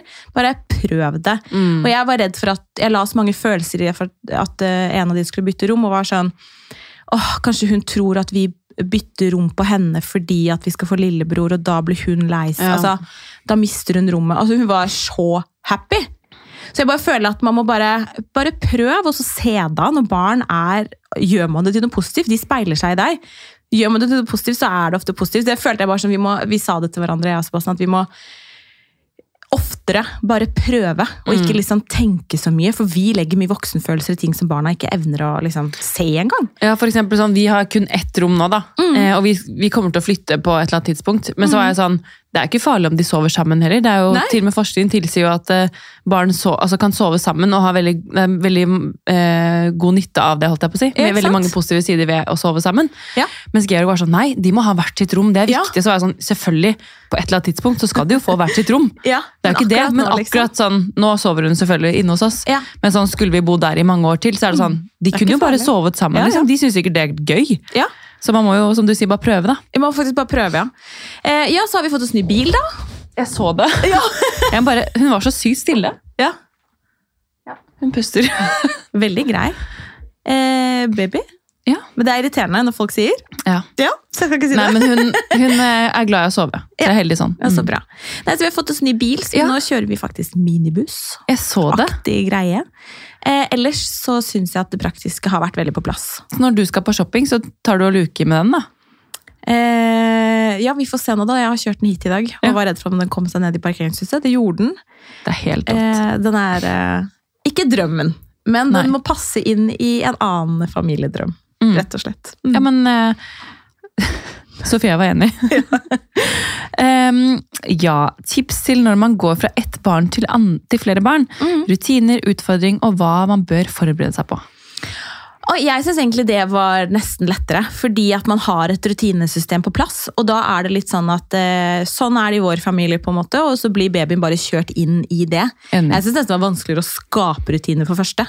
Mm. Fordi man var ikke sikker på hvordan Altså, vi har vært mye mer eh, Hun har duppedilla rundt oss mye mer. Mm. Og når vi skjønte at ok, her, vi tar styringen, så var vi mye mer selvsikre på det med nummer to. Så jeg synes, har du en som er rutiner, så bare sakte, men sikkert kjører du babyen, så begynner de å legge seg samtidig.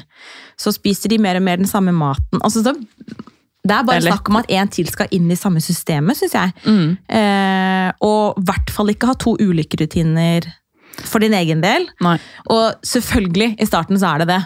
Men når barnet begynner å spise mer fast føde, så er det naturlig at det blir samtidig som det andre barnet. Så det syns jeg nesten var eh, Man har et system som en liten baby skal eh, tilpasses. Mm. Føler jeg, da. Ja. Det høres veldig lett ut eh, når jeg sa Nei, det men nå, er helt men, enig. men jeg syns nesten det var lettere med nummer to nummer én. Hvis det kan Du, være en og så er du jo allerede på en måte, Når du går fra null til én, så er du jo Mm. vant til å være på en måte mye mer egoistisk. Mm. Og du har på en måte fri, mye mer frihet Ja. til å gjøre ting, og mye mer kunne være spontan. Ja. Eh, Mens når du får barn, så må du jo på en måte planlegge mye mer rundt det barnet. Det blir jo på en måte, som alle sier, en ny sjef. Og med samboeren. Det syns jeg var litt nytt. At jeg ante ikke hva hans plan Altså, eh, Torsdag så kunne jeg være så eh, Eller fredag. Lørdag morgen. Hva skal egentlig du i dag? Ante ikke. Eh, eller har du egentlig noen planer i kveld? Mens nå vet jo jeg sånn Man vet alt. Om en måned så skal han jobbe den kvelden. For det må jeg vite. Eller sånn. Mm. Ja, ja. Så nå er vi mye mer kjørt inn i hverandres eh, Vi har felleskalender, da. Mm. Eh, og det fikk vi faktisk ikke før vi fikk nummer tre. Så det har faktisk flytet ganske greit fram til det. Men eh, jeg syns fortsatt Nå har jeg ikke fått fjerde, men fortsatt syns jeg overgangen null til én var den Største. største. Mm. Mm. Ja, det, det skjønner jeg. Eller det kan jeg se for meg. Mm. Ja, Hvordan forbereder en ett og et halvt åring på at han skal bli storebror? Hvordan forbereder dere storesøsken på baby nummer fire? Eh, ja, jeg føler at vi var, ville veldig gjerne at det, de, altså alle gangene så skulle barna være de første som får se. Sånn at når um, andre kommer for å se, så er det søsknene som viser fram. Sånn at de får ta en litt sånn nesten foreldrerolle i det. Um, sa til eh, de som kom at har dere altså ikke noe gave, og babyen har gjerne det den trenger, så heller en storesøskengave, sånn at fokuset At ikke de- blir at det kommer besøk, og så fint babyen er, og så gave til babyen, og så blir de på en måte tilsidesatt på av alle. Eh, så vi var veldig litt sånn Og hvis det var en gave, så åpnet vi ikke på en måte foran barna. Eh, prøvde på en måte å si 'herregud, så heldig babyen er som har deg som storesøster', og liksom snakke veldig positivt om den som allerede finnes. Mm. Og ikke si 'å, se på lillesøster, så søt'. Altså, ha veldig sånn positive tanker rundt at barnet nå har en ny rolle. Eh, få de til å hjelpe med det de klarer. Sånn 'Å, kan ikke du hjelpe mamma å hente en bleie?' Det greier du og jeg, liksom. Så skal Mm. du og jeg skifte bleie på Babyen kan jo ikke prate, vet du. Ikke sant? Liksom, Gjøre de sånn at de forstår at føler de seg store Ja. og, og liksom få litt selvtillit på at de Ja. har en ny rolle i livet. Da. Eh, føler jeg har hjulpet oss veldig, veldig mye. Men samtidig så har vi fått store De har fått småsøsken før de nesten har vært bevisste på at de har fått det. Ja. Så jeg tror det har gått liksom tre uker, så husker de ikke at den ikke har vært der. Eh, det er sikkert tøffere å bli storesøsken for første gang hvis du er fem år. Mm. Kan jeg se for meg. Men um, altså det føler jeg har vært våre sånne kanskje som har funka, da. For det er veldig sant, som du sa i stad, at alle liksom får en ny Selv om på en måte deres eldste allerede er storesøster, så blir det jo på en måte første gang hun er storesøster til en så liten. For nå er hun fem, på en Ja, måte. ja. Så alle får en ny rolle i forhold til hvor de er i livet også. Ja. Og det blir jo også nytt for alle, på en måte. Det gjør det. Så det er eh, veldig spennende. Eh, Men jeg bare føler at så mye positivitet rundt det eldste barnet Mm. er det viktigste, kanskje. Ja. Mm. Det er sånn, Babyen skjønner jo ikke at den er søt. Altså, Nei, og nesten- Å, se så søt! Så er det sånn, ja, vi ser at den er søt, Ja. men fokuser heller på Å, så gøy at du hadde lyst til å holde, liksom. Var det Ja. stas? Ja. Storesøster. er, Ja, liksom, så flink du er, på en måte. Um, Og nesten Nå skal man kanskje, kanskje ikke si flink, men uh, så god du er til å holde. ja. Veldig bra innsats. Mm. Men nesten ikke, nesten ikke liksom Nesten snakke babyen ikke ned, men litt sånn Den greier jo ikke å gå, det greier du. Eller Mm. altså sånn Ikke snakke den ned, men på en måte. Sånn at, eh, at den skjønner at eh, det er noe Storesøsknene klarer, Ja. klarer mer. At babyen er jo, klarer jo ingenting enda Ja. uten oss. Ja. Eh, men storesøster kan jo, eller storebror i dette tilfellet, kan jo hjelpe til. Mm. Eh, og ja, Lillesøster kan jo ikke gå ennå, men det kan du. på en måte. Skal vi gå sammen til barnehagen? Altså sånne type ting da. Ja, Jeg er merker for... det hjelper oss veldig. det er jo Mm. ikke for babyer, liksom. Nei. Man er litt sånn Hun må trilles i vogn, på en måte. Nesten du litt kan sånn gå. eh, hånlig mot babyen. Ja, men det klarer jo ikke babyen, det klarer du. Sånn at de føler at det er en forskjell, da. Og at det er en grunn til at um, Ja, at det er en forskjell mellom de, liksom. Men det merker jeg hjelper veldig sånn eh, Ja, i tilfeller hvor det liksom Å, jeg vil også sitte i vogn, på en måte. Ja, Det er sånn, ja, du kan også få sitte i vogn, men du kan jo gå, Ja. på en måte. ja for Og- veldig mange kan jo bli litt babyer på nytt. Ja, det har vi, altså sånn, Jeg har snakket med flere i barnehagen også som har fått uh, baby nummer to.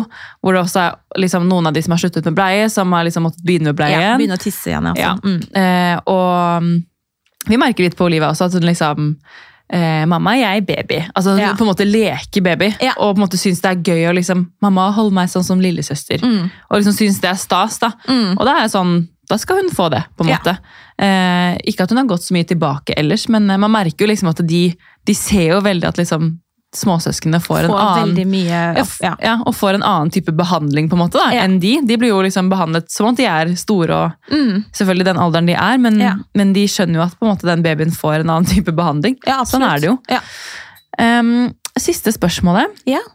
nå tror jeg har kommet meg gjennom alt her, er eh, hva er Nicolines must have beauty-produkt på dager hun er på farten? Oi! Eh, Eller vi kan si sånn, hva er dine topp på måte, produkter på morgenen da? Hvis ja, du har dårlig hvis jeg, hvis jeg har dårlig tid, liksom. liksom tenker sånn, ok, nå må jeg bare ho-ho. Um, da er det å kjøre håret i sleek bun, fordi at jeg vasker det ikke hver dag, og synes bare det er så kjekt at det er på plass. Og da er det jo en eller annen type form for hårgelé eller hårspray, for å bare liksom slike det Få det bak. få det bakover og stramt. Jeg, og da vet jeg bare, da føler jeg liksom at det sitter. Og Det er så så, digg. ja, det er så deilig. Eh, vaske ansiktet, selvfølgelig. Og da syns jeg egentlig, hvis jeg har sånn, hvis jeg snakker om kjempe, kjempedårlig tid, så syns jeg at jeg kommer langt med litt sånn god hudpleie for å få sånn fin base. Eh, og så eh, Ja, bare tappe på, liksom Hvis jeg har litt rester på kosten, bare sånn litt under øynene, litt Mm. rundt nesa. Ja. Bare litt sånn fort, fort, fort. Eh, og så har jeg ofte med meg, hvis jeg har veldig dårlig tid, så tar jeg med meg sånn Kanskje jeg tar med en CC-krem og litt solpudder og blush. Har du det nå? Eh, nei, nå skal jeg se hva jeg har, faktisk. Men nå var du veldig fresh, da. Du trenger ikke jeg- noe ekstra nå. Nei, leppeprodukter. Ja. Eh, ja, en eller annen lipgloss på leppene. Mm. Så føler jeg liksom at eh, Jeg føler ikke at maskara er liksom det viktigste da. Nei, Ikke heller. Da føler jeg liksom at det er ved jevne ut hudtonen. Enig. og litt liksom blush og solpudd, bare for å se litt sånn fresh og glowy ut. Og så good to go. Good to go. Ja. Det var bra tips på tampen. Ja.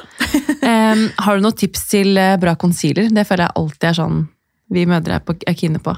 Eh, jeg bruker faktisk ikke concealer. Nei, Faktisk. det er godt Jeg jobba, holdt jeg på å si. eh, bruke en Bruker du øyekrem, liksom? Eller? Nei. Nei. Jeg burde kanskje begynne med det. Mm. Eller altså, jo, jeg kan ha perioder hvor jeg bruker litt øyekrem. eh, men det er mest fordi jeg føler at jeg tørr. Men Du ser veldig sånn fresh ut under øynene. Jeg får lov å sove mye der på slutten av graviditeten, vet du. jeg får sove så mye jeg vil nå. Et, etter baby nummer fire så kommer Nikoline tilbake i studio. Du må prøve denne concealeren! Nei, men jeg har veldig Jeg har forskjellige conceal... Nei, um, foundation og CC-kremer i litt forskjellige farger. Ja. Sånn at uh, hvis det er vinteren eller hvis det er sommeren, så bruker jeg liksom en litt lysere tone akkurat der. Ja. Kan jeg gjøre. Men ja. det, ja. Ikke Veldig dag. fresh er du i hvert fall. Ja, takk. Det er veldig hyggelig. Eh, du vet du hva, Vi kunne sitte og skravla her i 100 år. vi. Jeg vet det, jeg vet det. Eh, Det er så hyggelig. går. Veldig Ja. hyggelig, Nikolina, Og vet du hva, masse masse lykke til i siste innspurt. Tusen takk. Eh, og så gleder jeg meg til å høre når du har fått baby nummer fire. hvordan alt går. Ja. Eh, så får dere ta vare på den siste tiden som eh, fembarnsfamilie. ja, shit. Fem, ikke barns, men fem, Fem personers. Fem personers, ja. familie. Ja. Takk. Og så ja, masse, masse lykke til. Tusen takk. Og så vil jeg bare si på tampen at jeg syns alle der ute som er i eh, barsel, graviditet eller etterpå, eller foreldre, at nesten alt man går gjennom, er normalt. Så hvis du opplever noe som tenker sånn, Åh, hva er dette, eller blir redd, eller Nesten alt er normalt. Eh, og det betyr ikke det ene eller det andre, liksom. Det, bare pust med magen, alle der ute. Så går det bra. Ordner seg alltid til slutt. Det gjør det. Tusen hjertelig takk for meg, og veldig hyggelig å være sammen med baby og deg. Ja, i like måte. Ha det bra! Ha det!